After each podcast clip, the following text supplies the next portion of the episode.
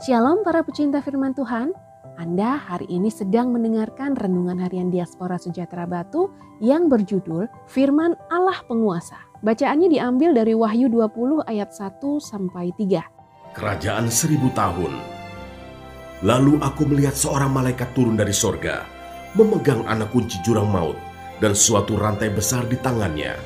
Ia menangkap naga, si ular tua itu, yaitu iblis dan satan, dan ia mengikatnya seribu tahun lamanya, lalu melemparkannya ke dalam jurang maut, dan menutup jurang maut itu dan memateraikannya di atasnya, supaya ia jangan lagi menyesatkan bangsa-bangsa sebelum berakhir masa seribu tahun itu. Kemudian daripada itu, ia akan dilepaskan untuk sedikit waktu lamanya.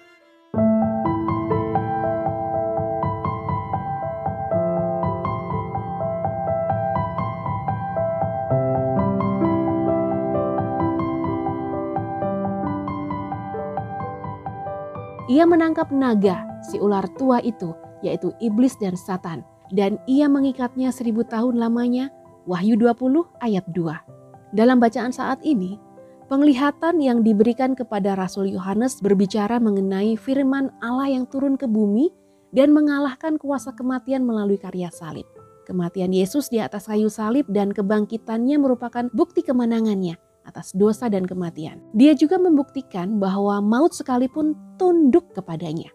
Oleh karena itu, orang-orang percaya harus memiliki keberanian dalam mempertahankan iman kepada Yesus. Karena kuasa iblis telah dikalahkan. Iblis dan para pengikutnya hanya bisa melukai dan membunuh tubuh jasmani orang percaya saja. Tetapi mereka tidak akan pernah bisa memisahkan roh manusia dengan Allah. Karena kemenangan Yesus di atas kayu salib, maka setan tidak akan bisa menguasai manusia kecuali manusia tersebut dengan kerelaan hatinya sendiri mengundang dan mengizinkan setan berkuasa atas hidupnya. Jadi, hidup yang dikuasai Allah atau iblis itu kuncinya ada dalam pribadi masing-masing.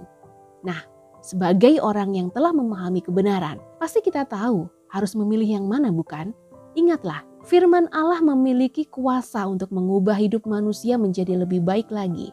Jika hati kita rela mengizinkan firman Allah atau logos ada dalam hidup ini untuk bekerja dan mengubah hidup kita, maka hidup kita pun menjadi berarti bagi Tuhan dan orang lain.